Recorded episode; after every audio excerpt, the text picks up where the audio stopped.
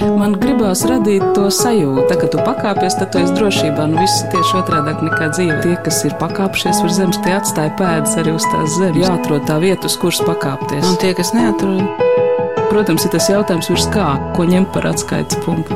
augstāk par zemi. Augstāk par zemi. Augstāk par zemi.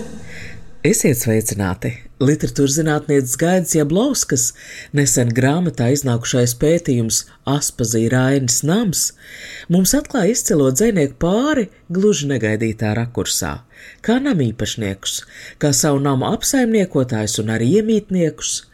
Mans vārds ir Anna Buševica, un lasot šo grāmatu, ir grūti nepamanīt, cik daudz duāls attieksmes un pretrunu ir abu valodas un domas dižgaru attieksmē pret savām miesīgajām vajadzībām.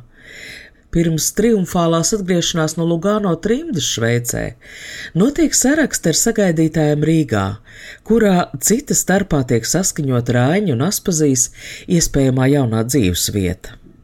Grāmatas autori citē kādu Rāņa 1920. gada 25. janvāra vēstuli no Kastaņolas. Mums personiskās vajadzības ir ļoti mazas - divas, trīs istabas, ķēķis un pieliekamās telpas, kad mums tās dot par brīvu no valsts vai sabiedrības kādā namā, kur daudz telpu, piemēram, pilī. Man tik grāmatām vajadzētu telpas liekas, labāk nekā guļamistabā. Dažas dienas vēlāk Rainis turpina domu citā vēstulē. Nāms vai māja prasīt daudz apkopšanas pūļu un izdevumu un saistīt pie vietas. Es uz savu mantu, tagadējo un nākamo, ar vienu esmu skatījies kā uz manis pārvaldītu tautas mantu. Un tāpat laikā Rainis un Aspazīs savas dzīves laikā vairāk kārtīgi pirkuši, pārdevuši īpašumus, kaut ko sapņojuši, nopulējušies ar to pārvaldīšanu. Nams ir arī tas, kas glabā tās iemītnieku piemiņu, un šobrīd Latvijā nevienam literātam nav tik daudz memoriālo muzeju kā Rainim un Aspazijai. Grāmatā Aspazija Rainis Nams faktiski ir treju veidu kronikas. Pirmā saistīta ar namīpašumu izvēli, iegādi, apsaimniekošanu, pētījumā citēts Raņa dienas grāmatas, Aspazijas saimniecības izdevuma pieraksti, Otra veida kronika piefiksē dzinieku attiecīgā perioda dzīves notikums, atklāja viņus kā savu nama iemītniekus, ar ko viņi kopā ir mituši. Taču šo grāmatu var lasīt arī kā dzinieku piemiņas un arī memoriālo muzeja tapšanas vēsturi. Un, iepazīstot šo grāmatas caurvīju tēmu, man radās iespējas, ka varbūt pētījums Aspazīra Rainas nams nemaz nav stāsts par abiem dižgariem un viņu laiku. Tas ir stāsts arī par mūsdienu cilvēkiem, kuri Rainu un Aspazīs vārdā mēģinājuši radīt jaunas kultūrvietas, un reizēm gluži neticamiem spēkiem un paņēmieniem tās noturēt, neatdot ikdienībai. Un no šī viedokļa raugoties, pētījums Aspazīra Rainas nams ir spīta vēsture, un viens no šiem neparastajiem spītīgajiem cilvēkiem ir arī pētījuma pētījuma autora, literatūras zinātniece Gaida Jablovska. Tātad jūsu oficiālajā biogrāfijā lasu iespējīgi gadskaitli, ka Rāņu literatūras un mākslas vēstures muzejā un Rāņu un Aspazijas mājā Rīgā jūs esat nostrādājis no 1969. līdz 2019. gadam. Pusgadsimts precīzi. Precīzi. Pusgadsimts, jā. Bet dažādās filiālēs šķiet, ka jūsu pirmā darba vieta bija Jasmuiža. Jā, es savu karjeru muzejā, pateicoties literatūras zinātniecei Līvijai Volkovai, sāku Jasmuižā, un četrus gadus, četras vasaras, tās bija man pirmās trimdas vasaras Jasmuižā, kā Raņa muzeja jasmuīšu vadītājai Raņa literatūras un mākslas vēstures muzejā. Es biju Latvijas Universitātes filoloģijas fakultātes, toreiz vēstures un filoloģijas trešā kursa neklātienes studente. Es jau biju savā dzīvē, man bija 22 gadi, un es sāku strādāt 16 gadu vecumā, un Līvija Volkova man Raņa vakarskolā bija ķīmijas skolotāja un klases audzinātāja. Un tad, tai 69. gada pavasarī, viņa man satika Rīgas centrā un teica, ka man pietiek strādāt tur, kur es strādāju, un man ir jānāk strādāt uz muzeju. Un tad viņa mani veda ekskursijā. Vispirms uz Emīļa Dārziņa Jāņa Sudrabkalnu muzeju uz Jāņa skolu, un no turienes pāri piebalgas ceļiem, pāri visai vidzemēji, līdz Latgalei, līdz Jasmuižai. Un atpakaļ ceļā, braucot pie skrīveriem, kad no lielā kalna tā brauc, tad tāds skaists, skaists mēnestiņš rotāja Daugavu. Un es domāju, nē, es neiešu uz to Jāņa skolu, jo pirmkārt, tur pirmajā stāvā dzīvo cilvēki, un viņiem ir zosis un man no zosīm bija ļoti bail. Un apkārt arī nebija nekāds ne kultūras nams, ne skola, nekas, nu tāda tukša vieta, būtībā tā Jāņa skolā. Nu, tajā laikā bija Jasmuīžā, un tas ir aizkalns pagasts, Preļu rajons toreiz. Un tur taču ir skola, tur ir tautas nams, tur ir jauni cilvēki, tur ir Raina kolhos. Un es izvēlējos Jasmuīžu. Un tad gadu gaitā es nekad sevi neesmu uzskatījis par akadēmisko pētnieku, bet es esmu tā Raini un Aspazīju, un pamatos Raini. Nu, tā skrubinājusi. Aspazīja Rēnas nams, tas noteikti nav jūsu pirmā grāmata. Nu, es esmu bijusi vairākām grāmatām sastādītāja jo tas man tā vislabāk patīk. Bet eh, tā pirmā, nu tāda, tā jau bija ļoti, ļoti sen vēl par latgals keramiku, jo tajā 1969. gadā Jasmuižā tapa pirmā. Latvijas keramikas tur izstādi Jasmožā, ko bija izsapņojis toreizējais muzeja direktors Valdemārs Kalpiņš, dramaturgs Gunārs Priede un fotomākslinieks Juris Krieviņš, lai piesaistītu pēc simtgadus, Rāņa simtgadus, 65. gadā, cilvēks jasmuižai, jo tas apmeklētājs skaits toreiz plaka. Nebija. Un tad bija tā latgāles keramika. Nu, jā, toreiz es aprakstīju latgāles keramiku. Tas, kas man pašai visvairāk, tas ir sirds mīļais brālītis, tā ir Raiņa un māsas Līzes sarakste, kad es sāku visu to pētīt, skrubināt un šifrēt. Raiņkopo to rakstu nebija. Pēc būtības sirds mīļais brālītis ir gandrīz 40 gadu darbs, ar, protams, ar pārtraukumiem, jo pasaulē nāca mani divi dēli. Nākamais, ik pa brīdim cilvēki teikuši, nu kā tad ir? Vai tad Rainim bija bērni, nebija bērni, ja bija bērni, ar ko bija bērni? Krājumā ir saglabājusies Raņa un Olgas Kliģers saraksta. Un tad es domāju, nu, kāpēc tā stāstīt leģendas, nu, tos man liekas tā un šķiet tā, aktieris Miervalds Ozoliņš, vai tad bija Raiņa un Olgas Kliģers dēls vai nebija, ir vēstules. Un tā es uh, sakārtoju viņus un nu, atšifrēju nu, Olgu Kliģeri. Pirms tam drusciņi to bija muzeja speciāliste Aina Leita, pie šī darbiņa pieķērusies. Un tad ir tā grāmata par mēnesi meitiņu. Nu, un tad es saprotu, ka, ja saka, ka teātris ir gaistoša māksla, tad man šķiet, ka muzeja darbs arī ir gaistošs, mainās paudzes Un kāda toreiz bija Jasmuīža, Tadanava, arī Raņa vasarnīca, Berķenele, Raņa bērnības māja, viena no mājām. Un kāda tad bija tā baznīcas iela? Un tad es sapratu, ka man aizejot un ienākot muzejā, jaunajai paaudzei, ja es gribu atstāt nu, ne tikai ātršuvējos dokumentus, man šī grāmata ir jāuzraksta. Aspazīja Rainis nams visplašāk aprakstīt Raiņu un Aspazijas mājas Rīgā muzeja vēsture, taču Gaitja Blauska bijusi arī citu Raiņu memoriālo muzeja darbu lieciniece, jo pēc Jasmuižas Raiņa literatūras un mākslas vēstures muzejā 1976. gadā Valdemārs Kalpiņš pirms aiziešanas pensijā no darba aizgāja Līvija Volkova. Viņš man iecēla par filiāļu nodaļas vadītāju, un tā manā pārziņā nonāca Raiņa vietas, klāt uh, Jaņa Rozentāla Rudolfa Blaumaņa muzejs, toreiz um, Annas Brigaderes sprīdīši, arī jau pieminētā Jāņa skola. Klausoties uzskaitījumu, cik daudz filiāļu savulaik bijis Raņa literatūras un mākslas vēstures muzejām, jautāja, kāpēc bija tāda muzejnieka stratēģija, kā tas ir sanācis, ka Rainim un Aspazijai tagad ir tik daudz namu. Jā, jautājums, kāpēc vienam Rainim, Rainim, ir tik daudz muzeju? Nu, arī kopā saskaitot vēl ar Aspazīju, vēl jau ir mm, zaļnieku daugšs jāpiemina. Vienu laiku sprīd 90.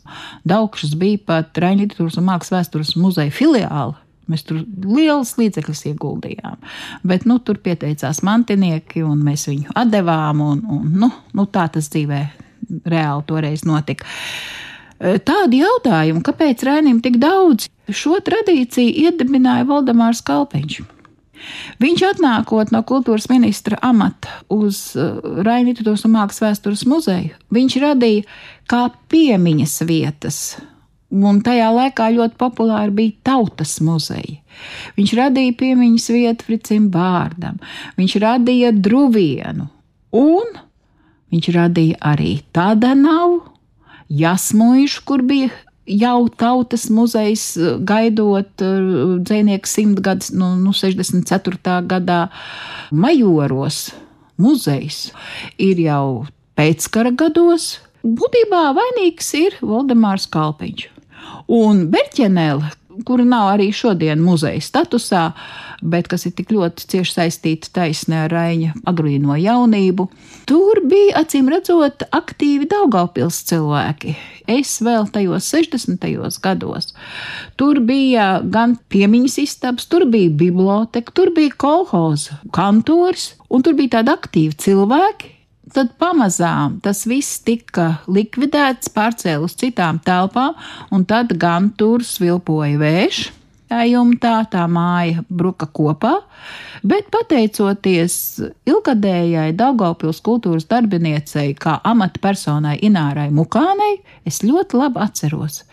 95. gadā, kad Raina Aspazīs fonds no Zviedrijas, un kad Zviedru sociāldemokrāti brauca un turīgi cilvēki uz Latviju centās palīdzēt tīri kultūras jomā. Un Daugaupilieši acīm redzot, spēja pārliecināt Zviedru pārstāvis, ka viņiem Berķeneli ir jāatjauno.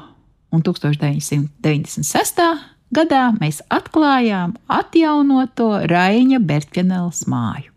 Un Aspazīs māju dubultos. Es ļoti priecājos, ka šobrīd šī māja ir, ka šī māja dzīvo, un taisākums ir jūrmalas tā laika. Nu, aktīvi, es domāju, domas cilvēki, un nevar nepieminēt Astrīdu Stanki no ASV, Aspazīs dzīs cienītāju, Aspazīs darbu tulkotāju, kura arī piedalījās kā mecenāte, kura rosināja atjaunot šo māju, un tā Aspazīs māju atjaunoja, un Aspazīs māja tā tad ir jūrmālas pašvaldības īpašums. Bet klausoties šo stāstu, izklausās, ka Gan Rains, gan Aspazija savā veidā darbojas kā zīmols. Nevienam nav iebildumu pret Raina neapstrīdama autoritāte, bet eh, kaut vai šī Asmuiža vai Berķenela vai Tadenau vai kaut kur Rīgā iegūst vietu, kurā attīstīt nu, kaut vai to pašu keramiku. Jā. Vai, vai savākt, kā novada pētniecības muzejā, daugšās galdauts. Jā, Tā tas ir bijis. Šeit uh, ļoti pozitīvs ir šis Raina vārds, jo viņš ļāva tā laika, es teikšu, gudriem kultūras darbiniekiem darīt tā, kā viņi uzskatīja pa pareizi. Gaitie Bloska savā pētījumā nav uzskaitījuši visas Rāņu un Aspazijas dzīves vietas. Pētījums mērķtiecīgi virzās pretīm Rāņu un Aspazijas mājas baznīcas ielā muzeja tapšanai, taču te ir arī sānsoļi, muzejnieces atmiņas par 50 gadu garumā skrubinot Rāņu biogrāfiju piedzīvoto. Ir Rāņu un Aspazijas adreses ārpus Latvijas, ir Vjatka, tagadējā Kirava un Slobodska, Tieši Slobodskā Rainis sarakstīja Laustās priedes, tapa dzējoļu krājums tāls noskaņas zilā vakarā. Man bija iespēja Slobodsku apmeklēt 2015. gadā, kad Krievijā notika Raiņa dienas. Slobodskā uzcelta jauna, kādreizējās mājas, kurā Raiņa smita nomitinājumā no 1899. līdz 1903. gadam replika. Nama pirmajā stāvā iekārtots muzejs sārto buru autoram Aleksandram Grīnam, bet muzeja pagalmā jaunieši iestudējuši fragmentu no Raiņa pūtvējiņa.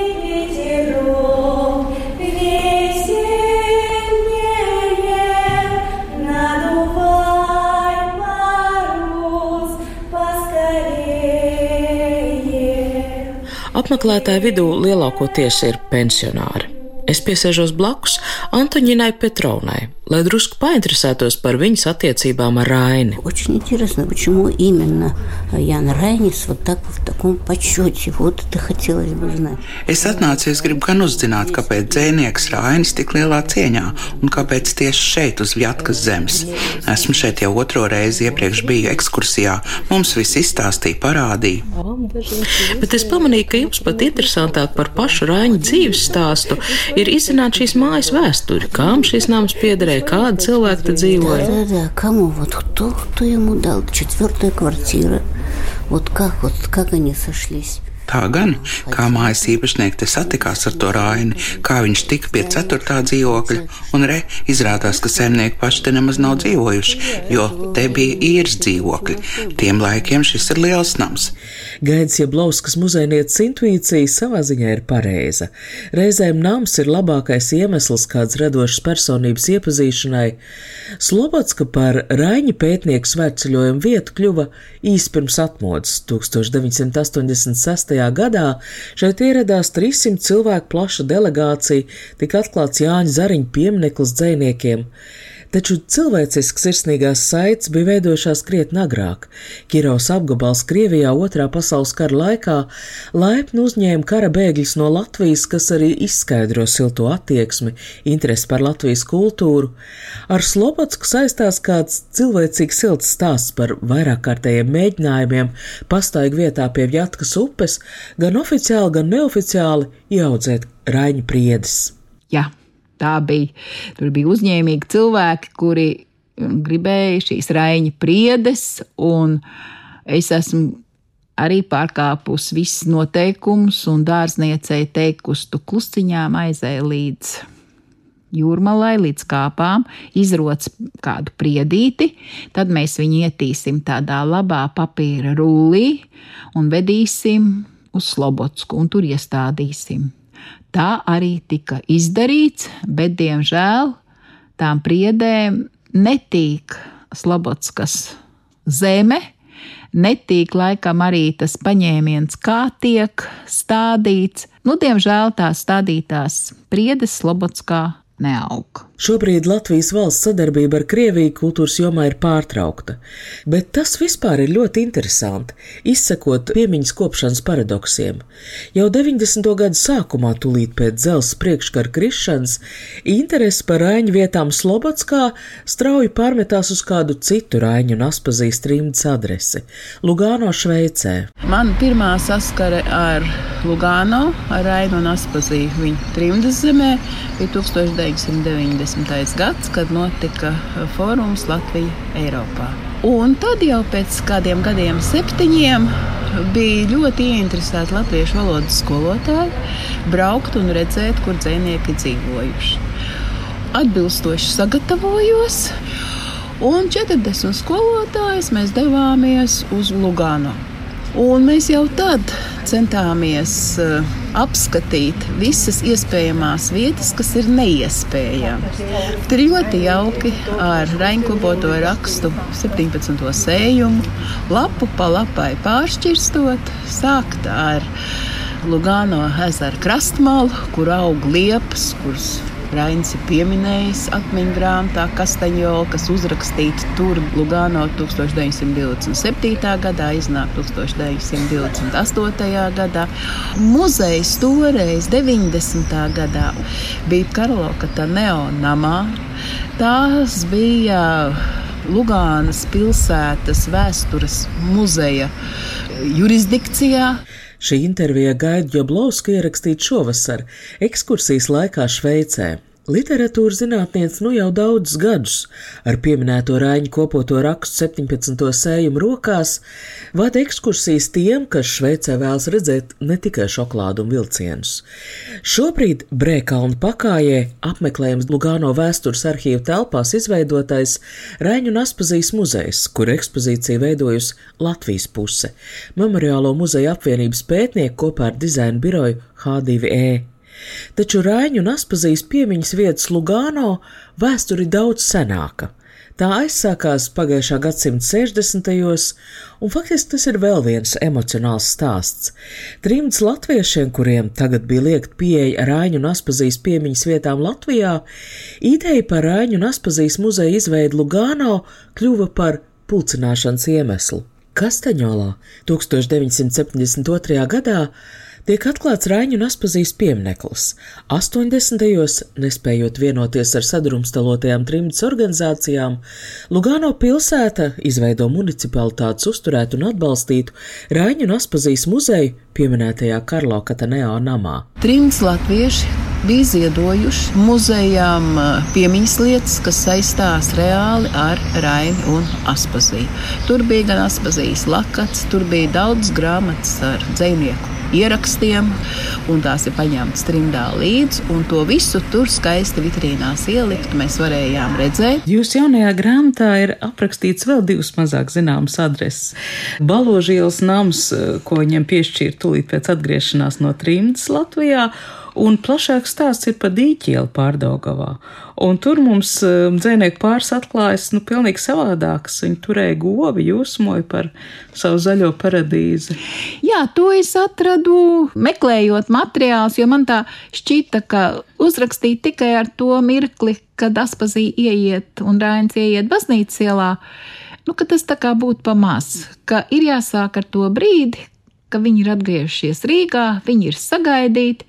Nu, un tad es pamazām gāju pa tām adresēm, meklēju materiālus, nezinu, vai atradu visu, bet pieejams ir tomēr atšifrētās aspazīs um, dienas grāmatas, un tā es pa gabaliņām vien liku kopā.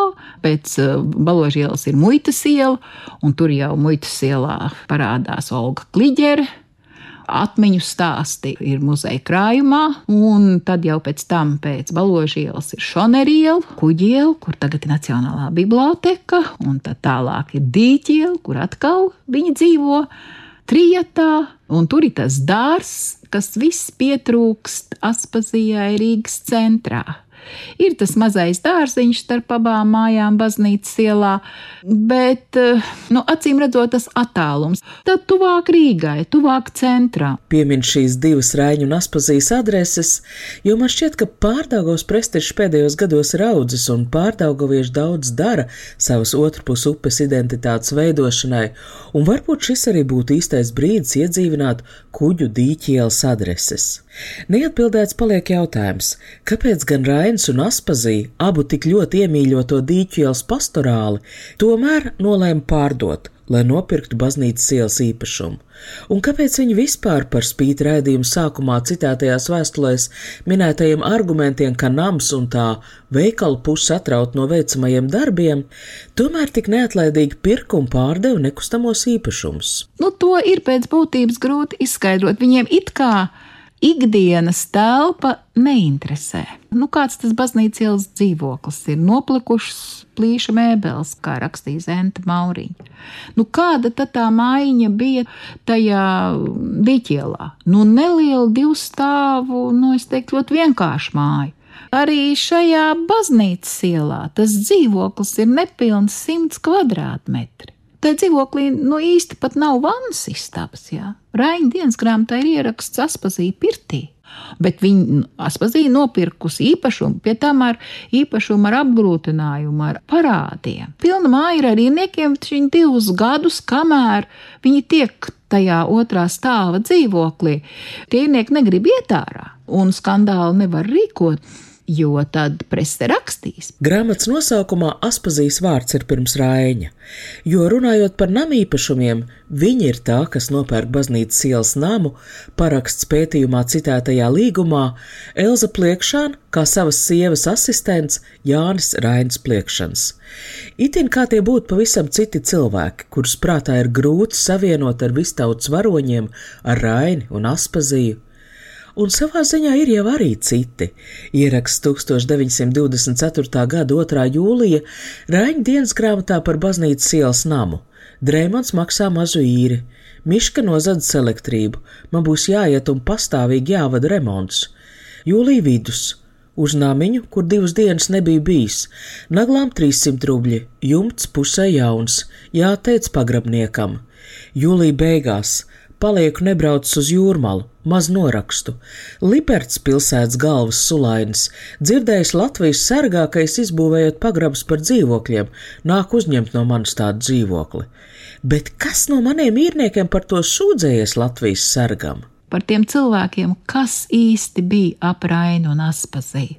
Cik bija tādi, kas šos divus cilvēkus, divus radošos cilvēkus, kas nebija praktiski cilvēki. Nu, jā, it kā Aspazīja tur nu raksta, jā, cik tas maksā, cik viņi nopērk. Rains glabā visādas biļetītes un kā varbūt pat ir kādos mirkļos skops tāds un, un, un tāds sīkumains tajā praktiskajā dzīvē. Bet viņi, nu, viņi nebija saimnieciski.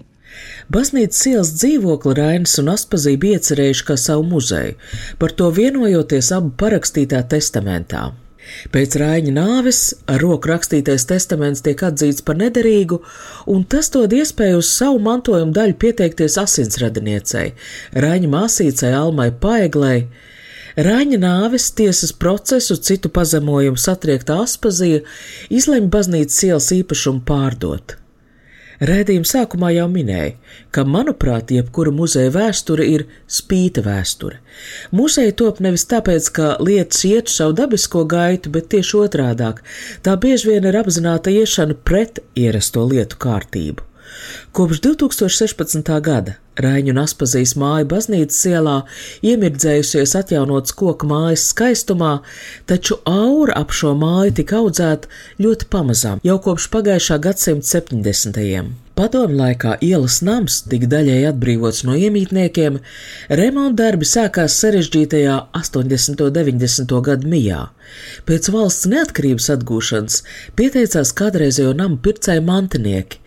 Kad visbeidzot muzejs atsāk savu darbību, sākās 90. hauss ekonomikā, un apkurē brīžiem pietika naudas, brīžiem nepietika. Lai cik grūti bija 93. gadā, kad atvēra daļēji restaurēto Raņa dzīvokli, pateicoties Raņa Aspazijas fondam, kurš atgriezās no Zviedrijas viņu finansējumam. Tad mēs, tie, kas strādājām muzejā, ne jau es viena pati, bet tie cilvēki, kas bija ar mani kopā, mēs sapratām, ka mēs tiešām darām svētīgu darbu, mēs noturam to māju. Tas bija mūsu virs uzdevums, tāds skaļos vārdos neizteikts. Mēs nācām kopā, bija apkure, nebija apkure. Mēs tiešām zobiem nagiem rīkojām tos pasākumus, Gundaga grīnumu, ja viņi tiek 17 klausītāji salstoši sēdēja, likās, nu, pilnīgs bezprāts, ja kam tas ir vajadzīgs, viņi stāsta par Šveici, par saviem pētījumiem, ja Jānis Zālīts, nu, kam to vajag? Bet to vajadzēja, to māju vajadzēja saglabāt, un es tiešām uzskatu, ka tas ir pareizi, ka mēs to māju esam saglabājuši. Ja? Jo bija taču oficiāli papīri, ka pārceļiet citur. Nu, kā var citur pārcelt raiņu un aspazīs māju? Tie tie skaistie brīži, kad nāca dzinieki, nāca rakstnieki, kad mēs kopā nu, stāvējām šīs mājas sardzē. Un, lai nu ko tur teica par tiem kaķiem, bet tie kaķi tur dzīvoja, un kaķis dzīvo tur, kur viņam gribas dzīvot, tu viņam nepavēlēsi. Ja, tā. Un eh, tad, kad mēs no mājas izgājām, kaķiem tika tāda papas mājas uzlikts otras mājas pagalmā lielajā, nu kā pagaidu dzīves vieta. Un restaurācijas laikā man teica strādnieki, ka kaķi ir atnākuši paskatīties, nu kas te notiek, tā kā pārbaudīt, un aizgājuši atpakaļ. Un tad, kad mēs 16. gadā atgriezāmies, ļoti skumji, bet loģiski saprotami. Viss muzejs ir pieslēgts signalizācijai. Ar prātu jau es saprotu, nu kur to kaķi likt.